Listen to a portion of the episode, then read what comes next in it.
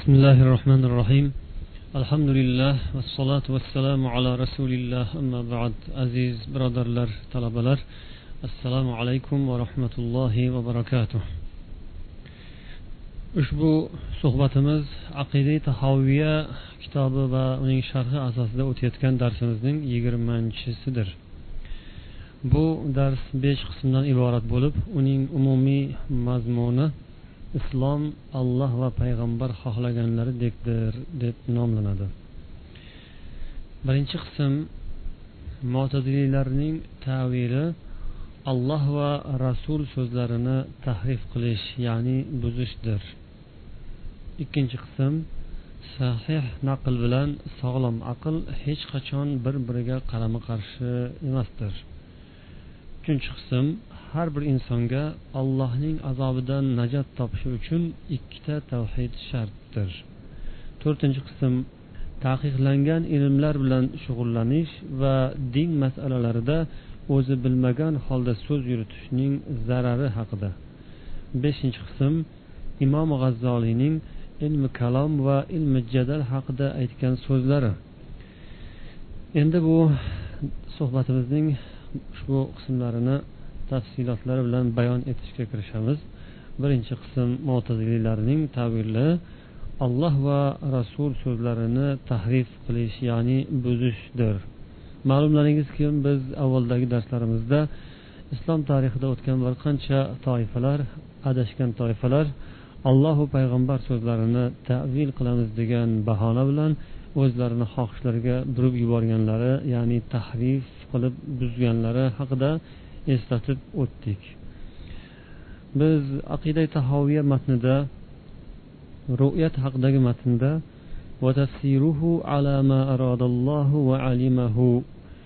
o'sha yuqorida aytilgan ma'nolar masalan ru'yatning tafsiri ma'nosi olloh iroda etgani xohlagani va u bilganidekdir degan kalimalarni ko'rib o'tdik va yana o'sha yerda degan ibora bilan ham tanishdik. Ya'ni bu mavzuga biz o'zimizning fikrimiz va aqlimiz bilan tavil qilgan holda kirishib ketmaymiz. Va o'zimizning havoi nafsimiz ko'ngil maylimiz dilimizga o'zimizga nafsimizga yoqqan narsalarni gumon qilib xayol qilib berilib ketmaymiz deb o'tdik. Bu ahli sunna val jamoa mazhabidagi insonlarning aqidalari e'tiqodlari.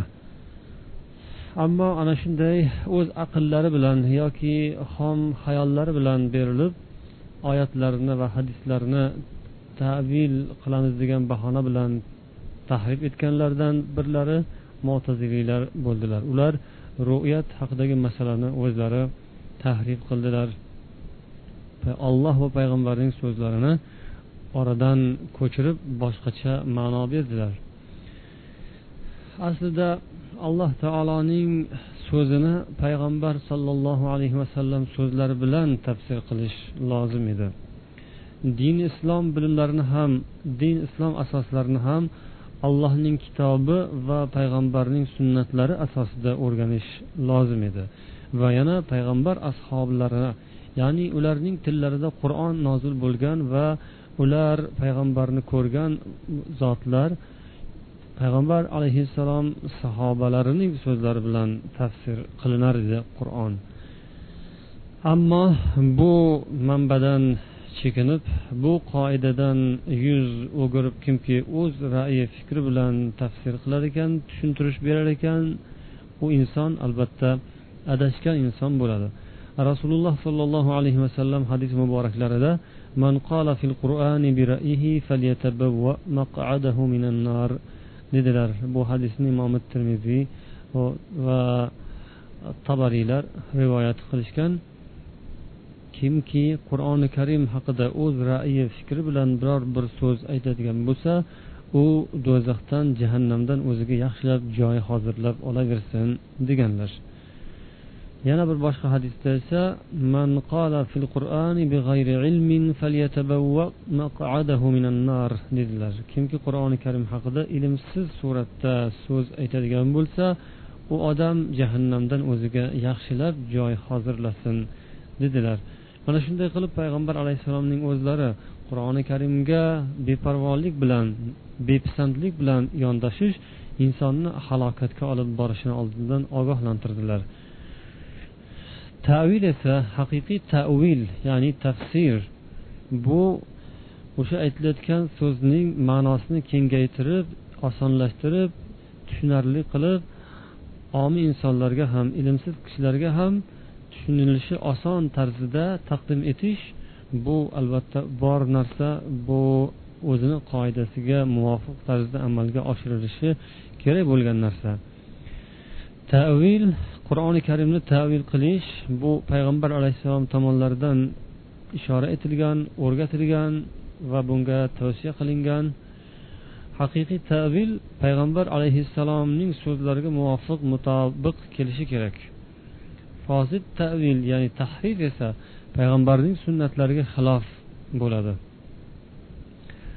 Qanday bir tavil bo'lsa deb nomlangan bo'lsa ham agar o'shanga bir dalil bo'lmasa shuni ishorasi bo'lmasa yonida ya'ni davo qilinayotgan ma'no kelib chiqishiga yo'l beradigan biror bir qo'shimcha so'z o'sha yerda bog'lovchi biron bir qarina ishora bo'ladigan kalima kelgan bo'lmasa demak u narsa biror bir asossiz ravishda boshqa ma'no tomonga burilishi mumkin emas.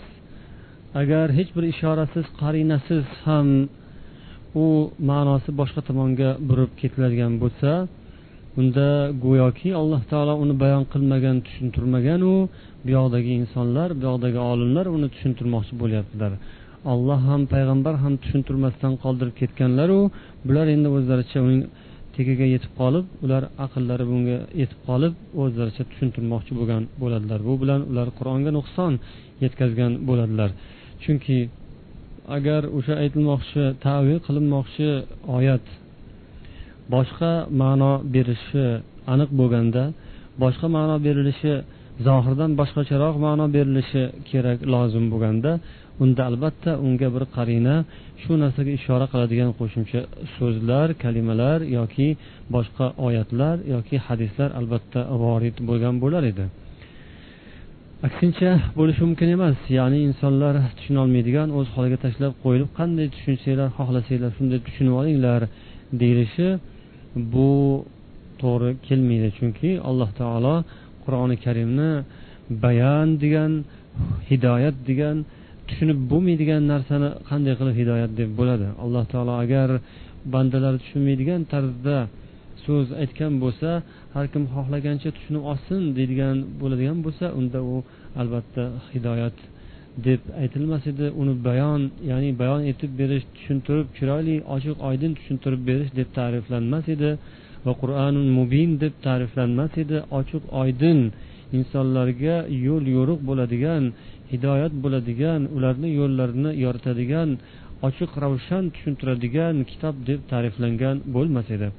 Bu qur'oni karimni tushunmaydigan tushunib bo'lmaydigan joylar bo'lsa uni payg'ambar sollallohu alayhi vasallam va sahobalar albatta osonlashtirib tushuntirib bergan bo'ladilar. Alloh taolo siz ummatlaringizga tushuntirib berishlaringiz berishligingiz uchun biz qur'onni nozil qildik degan demak qur'oni karimni payg'ambardek chiroyli va aniq ravshan qilib tushuntiradigan hech bir kimsa yo'q. Payg'ambardan demak ishora bo'lmasdan turib o'zlaricha uni har xil tomonga burishlik insonlarga umuman bu huquq berilmagan. Tavil bu shu so'z aytayotgan zotning murodini xabarini berish uni tushuntirib somiyalarga yetkazishdir. Yangidan ma'no ixtiro qilish emas. Demak tavil bor ma'noni kengaytirib osonlashtirib tushuntirib berishdir. Yangicha ma'no paydo qilish emasdir. Agar yangicha ma'no qo'shimcha ma'no yangi ma'no beriladigan bo'lsa u mutakallimning murodidan boshqacha bir ma'noni ixtiro qilish bo'ladigan bo'lsa unda tahrif bo'ladi. Demak mo'taziliylar tavil emas balkim tahrif qildilar. Umuman qur'on va sunnatga muvofiq kelmaydigan payg'ambar va sahobalarning so'zlariga mutobiq kelmaydigan yangicha o'ylab topilgan ya'ni ixtiro qilingan ma'nolarni ular tiqishtirdilar. Bu tahrif edi bu qur'on va sunnatdan chekinish edi. Shuning uchun ham biz ru'yat va kalom taka allohning gapirishi masalalarida deb o'tamiz ya'ni uning haqiqiy tafsiri tavili mohiyati alloh taolo qanday iroda qilgan va uning ilmida qanday bo'lsa o'shandaydir deyish bilan kifoyalanib shunga qanoatlanamiz. Darsimizning ikkinchi qismiga ko'chamiz. Bu sahih naql bilan sog'lom aql hech qachon bir biriga qarama qarshi emasdir degan mavzuda. biz yuqorida matnda فإنه ما سلم في دينه إلا من سلم لله عز وجل ولرسوله صلى الله عليه وسلم ورد علم ما اشتبه عليه إلى عالمه degan iboralarni o'tkazdik kimki o'z dinida alloh va payg'ambarga butkul taslim bo'lmaguncha u salomat bo'lmaydi O'ziga noma'lum tushunarsizroq bo'lgan narsalarning ilmini shu sohaning bilimdoniga taqdim etmaguncha bu sohada so'z yuritish haqqini shu sohaning bilimdoniga bermaguncha u din iymonida sog' salomat bo'la olmaydi dedik. Ya'ni shu haqdagi mana shunday qoidani biz yuqoridagi matnlardan o'qidik. Qur'on va sunnatning nususlariga hujjatlariga matnlarga inson taslim bo'lishi kerak. U yerda nima deyilgan bo'lsa shuni shak va shubhasiz va fosil buzuq tavillarsiz taslim bo'lib tan olib uni qabul etishi tasdiqlashi shart. U inson mana bu aytilayotgan narsalarga qur'onni mana bu joyiga yoki hadisning mana bu qismiga aql yurmayapti. U aqlga zid kelyotibdi. Aql dalolat qilgan narsalarga muvofiq kelmayotibdi. Naqlning asli ham aqldan iborat edi. Endi shu aqlga to'g'ri kelmay qoldi. Endi aql bilan naql ikkovi barobar bir biriga teskari kelib qoladigan bo'lsa unday vaqtda aqlni muqaddam qilamiz. Aqlni oldinga qo'yamiz naqlni rad etamiz degan so'zlarni aytish demak bu qur'on va sunnatga shubha bilan qarash bo'ladi. Aslini olganda hech qachon naql bilan aql bir biriga teskari kelishi mumkin emas. Lekin ba'zan inson xayoliga shunday tuyuladi. Go'yoki go'yoki naql ya'ni qur'on sunnatning matnlari aqlga xilof kelgandek tuyulsa bu borada o'sha naqlni qaraladi. Agar naql sahih bo'ladigan bo'lsa masalan ko'proq bu hadislarga taalluqli ya'ni qur'oni karimni sahih yoki sahih emas degan munozara yo'q. Qur'oni karim haqida hech qanday gap so'z bo'lishi mumkin emas. Lekin hadislarda sahih yoki g'ayri sahihlar uchrab qolishi mumkin. Faraz qilamiz ana shunday sahih naql bilan aql agar bir biriga muoriz teskari kelib qolgan bo'lsa bunda demak agar naql haqiqatdan ham sahih naql bo'ladigan bo'lsa u holda u aql ya'ni aql bilan to'g'ri deb topilayotgan narsa xato bo'ladi. Ma'qul deyilayotgan narsa majhul bo'lib chiqadi. Ya'ni o'sha noma'lum uning to'g'riligi demak shubha ostida uni tekshirilib qaraladigan bo'lsa albatta u noto'g'riligi isbot bo'lib qoladi. Demak hech qachon sog'lom aql bilan sahih naql bir biriga muoriz teskari kelishi mumkin emas. Agar sahih naqlga qandaydir aqliy bir dalil teskari kelayotgan bo'lsa o'sha aqliy dalilni o'zini tekshirib ko'rish kerak. U albatta to'g'ri emasligi isbot bo'ladi ma'lum bo'ladi. Agar naql g'ayri sahih bo'ladigan bo'lsa unda aqlga teskari kelyapti degan muhokamaning o'zini o'rni yo'q uning o'zini keragi yo'q. Chunki g'ayri sahih naqlga albatta e'timod etilmaydi unga suyanilmaydi u narsani aqlga solishtirilmaydi. Aqlga solishtirib go'yoki aqlga to'g'ri kelmayatibdi degan muhokamani o'rtaga qo'yilmaydi. Naqlning o'zini g'ayri sahihligi u demak tark etilishi uchun yetarli hujjat bo'la oladi bu gaplarning ziddida balkim aytish mumkindirki agar aql bilan naql bir biriga qarama qarshi kelib qoladigan bo'lsa unda naqlni muqaddam etiladi deb aytish mumkin. Chunki bu ikkita bir biriga qarama qarshi teskari narsani masalan o't bilan suvni bir biriga jamlab bo'lmagandek bu aql bilan naql teskari kelgan joyda ham ikkovini jamlab ikkovini ham to'g'ri deyish mumkin emas. Albatta bu o'rinda naqlni muqaddam tutiladi. Chunki sog'lom aqlning o'zi shu naqlni qabul etishni vojib etgan. Naql payg'ambar sollallohu alayhi vasallam xabar bergan narsalarni qabul etish tasdiq etish vojibligini dalolat qilgan narsa bu aqlning o'zi. Demak agar biz naqlni inkor etadigan bo'lsak ya'ni payg'ambar alayhissalom bergan xabarlarini qabuldan bosh tortadigan bo'lsak unda aqlning buyrug'ini ham biz bekor qilgan bo'lamiz. Chunki shuni qabul etishni aql buyurgan edi. Qabul etmasak aqlni teskarisiga ish tutgan bo'lamiz. Demak e, aqlning ishorasini biz bekor qilgan bo'ldik. Agar aqlning ishorasi bekor qilinishga mahkum ekan unda u aql ishorasi qabul bo'lmaydigan aqlning o'zi biror bir narsaga raqib bo'lishi biror bir narsaning teskarisiga tura olishi ham mumkin bo'lolmay qoladi. Shu jumladan naqliga qarshi turishga ham layoqatsiz ekanligi ma'lum bo'lib qoladi. Shuning o'zi ham demak aqlni taqdim etish aqlni taqdim etish aylanib kelib aqlni taqdim etmaslikka insonni majbur etadi.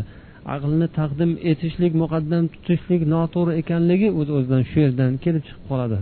Chunki shu aqlning o'zi payg'ambar sollallohu alayhi vasallam bergan o'qishidan vorid bo'lgan sahih hadislarni sahih xabarlarni qabul qilish vojib ekanligiga dalolat qilgan narsa shu aqlning o'zidir. Shuning uchun ham aqlning ishorasi to'g'ri ishorasi bu berilgan xabarlar keltirilgan naqllar payg'ambar alayhissalomdan bo'lgan sahih xabar naqlni qabul etish vojib ekanligini sog'lom aqlning o'zi taqozo qiladi. Shunday qilib vojib ulki ya'ni har bir insonga vojib bo'lgan narsa shuki payg'ambar sollallohu alayhi vasallamga butkul taslim bo'lish va u kishining amriga mutlaq bo'ysunish va u kishining xabarini hech bir shak va shubhasiz qabul qilish va tasdiq qilish biror bir aqliy dalil bilan uni tekshirib ko'rmasdan biror bir hayollarga berilmasdan uni qabul etish vojibligi kelib chiqadi. Ya'ni payg'ambar alayhissalomdan tekshirilgani sahih bo'lib kelgan hadislar rasululloh sollallohu alayhi vasallam bergan xabarlarning sahihlari endi sahihning sharti o'zi judayam qattiq shartlari bor. U shartlar bilan tanishgan odam albatta berilgan xabarlarga hech qanday shakku shubha qilishga o'rin ham qolmaydi. O'z vaqtida o'z soati vaqti o'rni bilan sahih hadislar haqida ham sahiylarning sharti haqida ham inshaalloh tanishib o'tiladi. U bilan tanishgan insonlar ayniqsa demak sahih xabar berilgan o'rinda aqlni unga teskari qo'yishdan inson albatta bu befoyda narsa ekanligini bilib o'zini tiyadi. Shunday qilib rasululloh sollallohu alayhi vasallam tomonlaridan berilgan barcha xabarlarni tasdiq qilish qabul qilish uni biron bir shubha ostiga qo'ymasdan yoki kimlarningdir fikrlariga taqqoslab solishtirib ko'rmasdan to'g'ridan to'g'ri qabul etish vojib ekanligi ma'lum bo'ladi. Shunday qilib la ilaha illalloh muhammadu rasululloh degan so'zimizda turgan bo'lamiz. Birinchi qismda bu kalimaning birinchi qismi alloh taoloni yakkalash yagonalash bo'lsa uning ikkinchi qismi muhammadu rasululloh deyish bu payg'ambar alayhissalomni uning buyrug'ini qabul etiladigan zot sifatida insonlar ichida uning buyrug'i qabul bo'lishi shart lozim bo'lgan zot sifatida yakkalash vojib bo'ladi. Shunday qilib bu ham tavhidning ikkinchi qismi hisoblanadi. Endi mana shu ikkinchi qismning uzviy davomi mana shu yerdan bu darsimizning uchinchi qismi boshlanadi. Ya'ni har bir insonga allohning azobidan najot topishi uchun albatta ikki tavhid shartdir. Bu ikki tavhid deganimiz hozirgina eslatganimiz. La ilaha illalloh bu birinchi tavhid bo'lsa muhammadu rasululloh ikkinchi tavhid. Mana shu ikkita tavhid insonni azobdan qutqaradigan inshaalloh jannatga musharraf etadigan tavhid mana shudir. Barcha inson bolasi allohdan qo'rqadigan har bir zot har bir inson bu tavhidni har ikki qismini loyiq lozim darajada talab etilgan darajada qoyim etishi talab etiladi. Birinchi tavhid alloh taoloni ibodatda yakkalash yolg'izlash. Faqat uning o'zigina yaratuvchi deb bilgan inson faqat uning o'zigagina ibodat qilishi lozimligi bo'lsa ikkinchi tavhid shu alloh taologa ibodat qilish yo'l yo'riqlarini va din tutish yo'lini iymon e'tiqod tartib qoidalari yo'lini faqatgina o'sha zotning elchisi bo'lgan hazrati muhammad sollallohu alayhi vasallam ko'rsatmalariga muvofiq tarzda amalga oshirishi vojib bo'ladi. Birinchi tavhiddan o'z o'zidan ikkinchi tavhid kelib chiqadi. Faqatgina rasululloh sollallohu alayhi vasallamgagina ergashish lozim bo'ladi. U inson kim bo'lishidan qat'iy nazar. U xoh shohdir xoh gadodir xoh olim xoh omidir xoh boy xoh kambag'aldir xoh oqu xoh qoradir. Kimligidan qayerdaligidan qaysi zamonu makonga taalluqli ekanligidan qaysi hududga taalluqli ekanligidan qat'iy nazar rasululloh sollallohu alayhi vasallamdan o'zgaga itoati aslo mumkin emas. Illo agar uning ya'ni rasulullohdan o'zganing so'zi rasululloh va allohning so'ziga muvofiq kelsa mutobiq kelsa unda unga ham albatta qo'shilish itoat etish shart bo'ladi. Mana shu demak tavhidning ikkinchi qismi ikkovi bir biri bilan chambarchas chambarchas bog'liq bo'lgan qismdir. Mana shu bilan inson najot topadi. Agar bundan o'zgacha bo'ladigan bo'lsa biror bir jihatini o'zgartirsa demak u tahrif yo'liga o'tgan bo'ladi. U o'zining tahrifini hamil qilyapmiz tavil qilyapmiz demasin qanday nomlar bilan nomlamasin baribir u dinni buzgan inson bo'lib qoladi. Va ulamolar shunday ta'riflaydilarki inson bunday holatda alloh taologa ro'baro bo'lishi juda ham xatarlidir. Undan ko'ra ya'ni dinni har xil tomonlarga burib buzib o'zgartirib yurgandan ko'ra allohning huzuriga eng yomon gunohlar bilan ro'baro bo'lgani yaxshi. Allohga shirk keltirishdan boshqa eng yaramas yomon gunoh gunoh kabiralar bilan borgani afzalroqdir. Inson dinni har xil tomonga burib o'zgartirib allohu payg'ambar aytgandan boshqacha tarzda uni talqin qilishi bu eng yomon gunoh. Bundan ko'ra boshqa gunohkor bo'lgani undan yengilroq bo'lardi. Ammo alloh taologa shirk keltirish esa hammasidan ham yomon. Unda u inson albatta halokatga mubtalo bo'lishi aniq. Alloh o'zi barchamizni salomat saqlasin. Shunday qilib allohu payg'ambarni ko'rsatmalariga muvofiq hayot kechirishimiz dinni ham shu tarzda ushlab mahkam tutib borishimiz bu tavhiddir.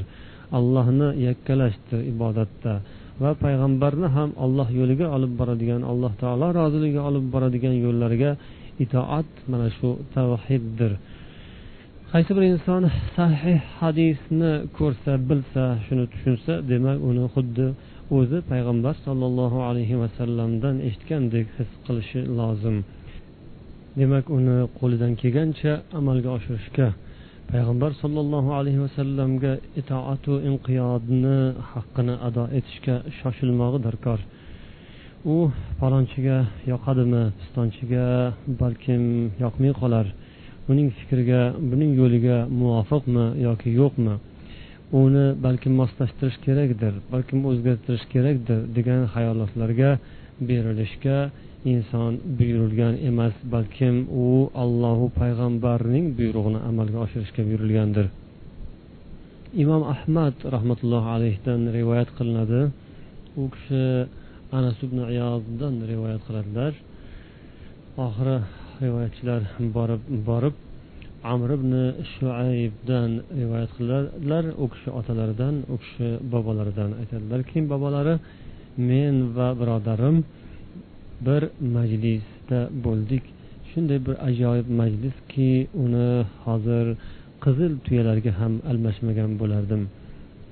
Ya'ni qizil tuya bu arablarda juda ham bir nodir tuya bo'lib u juda qimmatbaho hisoblanar va mana shunday qizil tuyaga ega bo'lgan inson judayam boy badavlat kishi hisoblanar edi. Bu arablarni so'zlarida iboralarida demak biror bir narsani haddan ziyoda yaxshi ko'rsa shuni qizil tuyaga ham almashmas edim deb uning ta'rifini keltiradilar. Men bir majlisda bo'ldim. U majlis payg'ambar sollallohu alayhi vasallamning ulug' sahobalaridan iborat bir majlis edi. Qarasak ular payg'ambar sollallohu alayhi vasallam eshiklari ostonasida o'ltiribdilar. Biz ularning tinchlarini buzib oralariga kirishdan uyaldik karih ko'rib o'zimizga buni lozim ko'rmadik o'zimizga buni ma'qul ko'rmasdan ularni bir chetlariga borib sekingina cho'kib o'tirdik. Ular qur'oni karimdan bir oyat haqida suhbatlashishar edi. Suhbat oxiri borib borib talashishga tortishishga aylanib qoldi. Shunday qilib ularning ovozlari ko'tarilib ketdi. Bir birlari bilan qattiq qattiq so'zlar aytib qur'oni karim oyati haqida bahslashishar edi. Shunda payg'ambar sollallohu alayhi vasallam g'azablangan xafa bo'lgan holda chiqib qoldilar. Yuzlari qizarib ketgan edi. Ularga yerdan bir hovuch tuproq olib ular tomoniga sochgan holda hay hay ey qavm ey haloyiq to'xtanglar shoshmanglar deb kelar edilar. Xuddi mana shunday ish tufaylidan sizlardan oldin o'tgan qavmlar halok bo'lganlar. Ular o'zlarining payg'ambarlari bilan xilof qilishgan ixtiloflarga borishganligi uchun ham halok bo'lgan edilar. Ular alloh taolo nozil etgan muqaddas kitoblarning oyatlarini birini ikkinchisiga urushtirganlari uchun halok bo'lgan edilar. Axir bu qur'oni karim birini bir oyatini ikkinchi oyatiga teskari qo'yish uchun tushirilgan emas. Bu qur'onning oyati biri ikkinchisini hech qachon rad etmaydi. Bu qur'on oyati biri ikkinchisini tasdiqlab nozil etilgan. Endi shu oyatlardan qaysi birini tushungan bo'lsalaringiz bilgan bo'lsalaringiz unga amal qilinglar. Agar bilmagan bo'lsalaringiz tushunmagan bo'lsalaringiz unda o'shani olimga tushunganiga murojaat qilinglar uni egasiga qaytaringlar dedilar. Buni imom ahmad musnatlarida ibn mojah sunanlarida va imom buxoriy kitoblarida sahihlarida rivoyat qilganlar va imom muslim ham shu ma'nodagi hadisni rivoyat qildilar. Unda innama halaka man kana qablakum bixtilafihim fil kitab degan ibora bo'lgan. Ya'ni sizlardan oldin o'tgan qavmlar mana shu olloh nozil etgan kitob ustida ixtilof qilganlari tufaylidan halokatga mahkum bo'ldilar deyilgan. Demak inson ollohdan va payg'ambardan unga yetgan xabarlarni qabul etib unga amal qilishga shoshilishi lozim deb yuqorida aytdik. Lekin ba'zi birini tushunmay qolishi mumkin ba'zi birida ixtilofli o'rinlardan chiqib qolishi mumkin. Ya'ni o'zi ixtilof qilib qolishi tushunmaslikdan insonlarning aqllaridagi tafovutdan turli xil ixtiloflar paydo bo'lib qolishi mumkin. Bu qur'on yoki sunnat sahih sunnatning aqlga xilof kelishidan emas balkim inson aqlining uni o'sha yuqoridagi hujjatlarni qur'oni sunnat hujjatlarini to'g'ri tushunmasligidan kelib chiqishi mumkindir. Lekin bunday o'rinlarda tushungani to'g'ri deb unga tushuntirilgani ustozi tomonidan unga o'rgatilgani agar o'zi tushunmasa mujtahid ulamolaridan olimlardan so'rab bilganiga amal qiladi ammo bilmaganiga demak u amal qilolmaydi. Bilmaganidan u ma'zur tutiladi. Bilmagan narsasiga jaholat bilan kirishib ketishdan u rad etiladi. Bilmagan narsasi haqida gapirishdan shunday mavzularga kirishib tortishish bahs va munozara yuritishdan insonni alloh taolo qaytargan. Arof surasining o'ttiz uchinchi oyatida ham alloh taolo allohga bilmasdan tuhmat qilmanglar. Alloh taologa nisbatan sizlar o'zlaringiz bilmaydigan narsalarni nisbat bermanglar. Alloh nomidan din nomidan o'zlaringiz bilganlaringizcha gapirmanglar deb qattiq tanbeh bergan. Demak insonning zimmasiga vojib bo'lgan narsa alloh va payg'ambar tomonidan kelgan barcha so'zlar barcha buyruqlarni haqqu rost deb qabul etishi va unga ergashishi amalga oshirishga kirishishi zarurdir. U zotlarning so'zlari haqqu rost deb tasdiq qilinadi. Ulardan boshqa insonlarning so'zlari ularga solishtiriladi. Agar boshqa insonlarning so'zlari allohu payg'ambar so'ziga muvofiq mutobiq kelsa u ham haq bo'ladi. Ammo xilof keladigan bo'lsa unda albatta haq deb aytilmaydi. Inson bu narsani agar bilmaydigan bo'lsa bilganlarga murojaat qiladi olimlarga murojaat qiladi. Ulardan o'qib o'rganib keyin unga amal qilishga kirishadi. Bilmasdan johillarcha nodonlarcha amal qilib yuraverish albatta yaxshi emas. Inson umri davomida ilm olishga harakat qiladi. Allohu payg'ambar qanday narsalarga buyurgan nimalarni yuborganligi haqida doimiy ravishda qiziqib ilm olishga harakatda bo'ladi. Olimlarga o'zini lozim tutadi. Shunday qilib dunyodan ilmu amal bilan dunyodan o'tishga inson harakatda bo'ladi.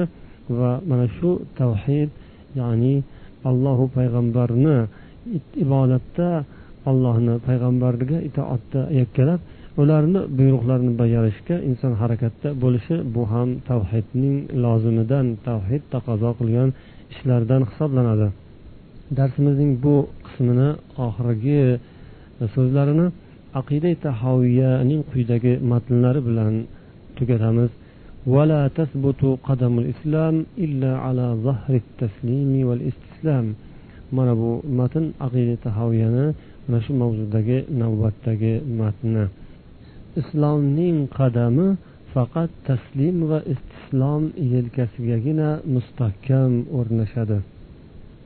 Bu yerda islom qadami deb istiora tarzida ishlatilyapti. Bu qadam degani demak insonni odatda mustahkam o'rnashishiga sabab bo'ladigan qadam bo'lsa va o'sha qadam joy oladigan qadam o'rnashadigan yer ham mustahkam bo'lishi kerak. Ikki tomonlama mustahkamlik bilan demak inson najot topgani kabi insonning musulmonligi ham faqat taslim degan joyning ustida taslimning ustiga qo'yilgandagina u najotga erishadi u maqsadga erishadi. Musulmon odamning demak hayoti bu taslim va istislom bilan bo'ladi. Taslim va istislom bu o'zbekchada shu taslim bo'lish o'zini topshirish ya'ni alloh va payg'ambarga o'zini topshirish ikki vahiyga o'zi mustahkam amal qilish. Ikki vahiy qur'on va sunnat. Uni hech bir aqliga ko'ndalang qilmasdan shakku shubhalarga berilmasdan aqliy dalillar bilan buni o'lchab ko'raman qiyoslab ko'raman demasdan allohu payg'ambardan kelgan hujjatlarni darhol qabul qilish mana shuning o'zi aql sog'lom aqlning o'zi bu narsani albatta dalolat qiladi shunga sog'lom aql o'zi taqozo etadi. bir yuz yigirma to'rtinchi hijriy sanada vafot topgan imom muhammad ibn shihab az zuhriy ismli ulamo kishi marhamat etgan ekanlarki minallohi risalatu va alal rasulil balag'u va alayna taslim alloh taolodandir risolat. Risolat ya'ni payg'ambarlikni yuborish yo'l ko'rsatish ollohdan va olloh ko'rsatgan bu yo'lni insonlarga yetkazib qo'yish bu payg'ambardan ana shu yo'lga taslim bo'lib mustahkam kirishish esa bizdandir degan ekanlar. Bu ibora nihoyatda chiroyli ibora. Alloh taolodan yo'l ko'rsatish payg'ambar esa shu yo'lni yaxshilab bizga yetkazib tushuntirib qo'yish u kishining zimmalarida edi. Bizning zimmamizda esa ergashish bu yo'lni qabul etib unga amal qilishga kirishmoqdir. endi darsimizning to'rtinchi qismiga o'tamiz bu qism taqiqlangan ilmlar bilan shug'ullanish va din masalalarida o'zi bilmagan holda so'z yuritishning zararlari haqida ushbu qism mavzumizni aqida tahoviyaning quyidagi navbatdagi matni bilan davom ettiramiz فمن رام علم ما حضر عنه علمه ولم يقنع بالتسليم فهمه حجبه مرامه عن خالص التوحيد وصافي المعرفة وصحيح الإيمان bu matnning tarjimasi kimki o'rganilishi taqiqlangan narsalarni bilishga qasd qilsa aqli olloh va payg'ambarimizdan kelgan ilmlar bilan qanoat hosil qilmasa bu niyati u insonni xolis tavhiddan va musaffo ma'rifatdan va sahih iymondan to'sib qo'yadi. Mana bu iboralar yuqorida o'tgan so'zlarni yana ta'kidi va yana uning kengroq tushuntirilishi va din asoslari haqida usuliddin haqida aqoid e'tiqod bilimlari haqida va umuman boshqa bilimlar sohasida ham albatta ilmsiz suratda fikr yuritish so'z yuritish bahs va munozaraga kirishish aslo mumkin emasligi yana qayta ta'kidlanadi alloh taolo isro surasining o'ttiz oltinchi oyatida أعوذ بالله من الشيطان الرجيم ولا تقف ما ليس لك به علم deb ey inson sen o'zingga noma'lum bo'lgan narsalarga berilib ergashib ketmagin deb ta'kidlagan demak inson o'zi bilmaydigan narsaga ergashishi u haqda bilag'onlik qilib gap sotishi yoki safsatavozlik qilishi bu haromdir yana alloh taolo haj surasining uchinchi va to'rtinchi oyatlarida marhamat etadiki أعوذ بالله من الشيطان الرجيم ومن الناس من يجادل في الله بغير علم ويتبع كل شيطان مريد. كتب عليه أنه من تولاه فإنه يضله ويهديه إلى عذاب السعير.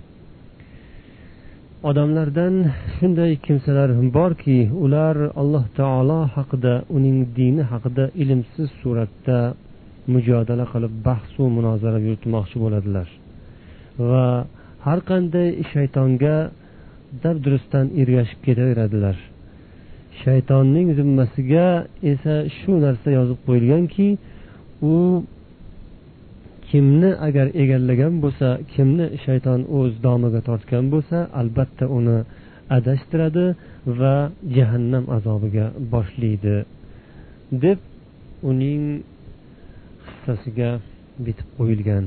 Ya'ni bu oyatdan ma'lum bo'ladiki odamlarni ichida shunday ilmsiz suratda gap yuritadigan ilmsiz suratda dindan bilag'onlik qiladigan insonlar bular o'zi har qanday shaytonni ko'rsa u xoh jin shaytoni bo'lsin xoh inson shaytoni bo'lsin darhol osonlikcha ergashib ketaveradilar.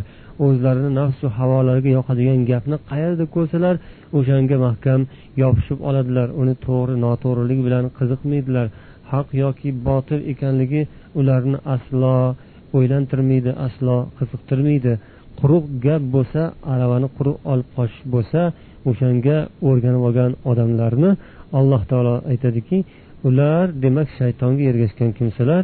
Shaytonning vazifasi esa bunday insonlarni albatta yo'ldan ozdirish va oxir oqibat jahannam azobiga giriftor qilishdir qasos surasining elliginchi oyati ham shu mazmunda أعوذ بالله من الشيطان الرجيم ومن أضل ممن اتبع هواه بغير هدى من الله إن الله لا يهدي القوم الظالمين o'z nafsi havosiga ko'ngil mayliga hech bir hidoyatsiz alloh taolodan hech bir ko'rsatmasiz ergashib ketaveradigan insondan ham ko'ra adashganroq kimsa bormi? Alloh taolo bunday zolim qavmni hidoyatga boshlamaydi. Demak bu oyatda alloh taolo undan ya'ni parvardigor olamdan biror bir ko'rsatma hidoyat qur'on oyat bo'lmasdan turib payg'ambardan ko'rsatma bo'lmasdan turib o'z bilganicha ko'ngliga yoqqan gapni gapiraveradigan insonni eng adashgan kimsa deydi va bunday insonlarni alloh taolo zolimlar deb ta'riflayapti yana najm surasida أعوذ بالله من الشيطان الرجيم إن يتبعون إلا الظن وما تهوى الأنفس ولقد جاءهم من ربهم الهدى deydi ular ya'ni mushrik va fosiq kimsalar faqatgina gumon va taxminlargagina ergashib yuradilar Va ko'ngillariga nima yoqsa o'shanga ergashib ketaveradilar. Ko'ngillari aytganini qiladilar. Holbuki ularga parvardigorlari tomonidan hidoyat to'g'ri yo'l kelgan ediku deb xabar beradi.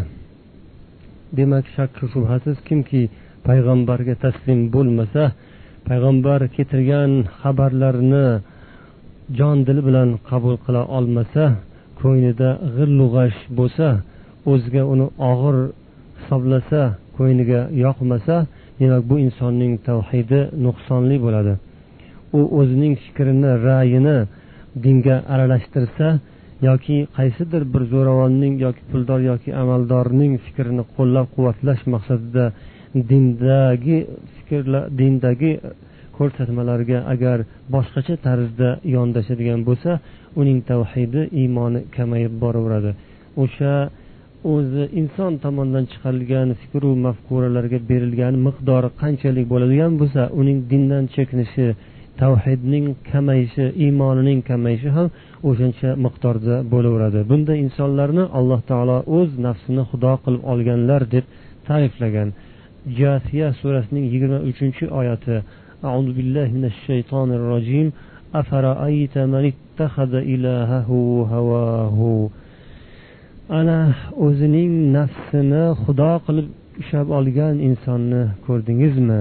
deb alloh taolo demak kimki mana shu yuqoridagi tarzda yo'lga kirgan bo'lsa u inson o'z nafsiga sig'ingan o'z nafsini xudo qilib olgan odam deb ta'riflanadi. Bunday balodan parvardigor asrasin deb o'ziga iltijo qilamiz. Alloh taolo barchamizning qalbimizni allohu payg'ambar so'zlarini yaxshi ko'radigan faqat shuni mahkam ushlaydigan insonlardan bo'lishimizni o'zi nasib etishini so'raymiz.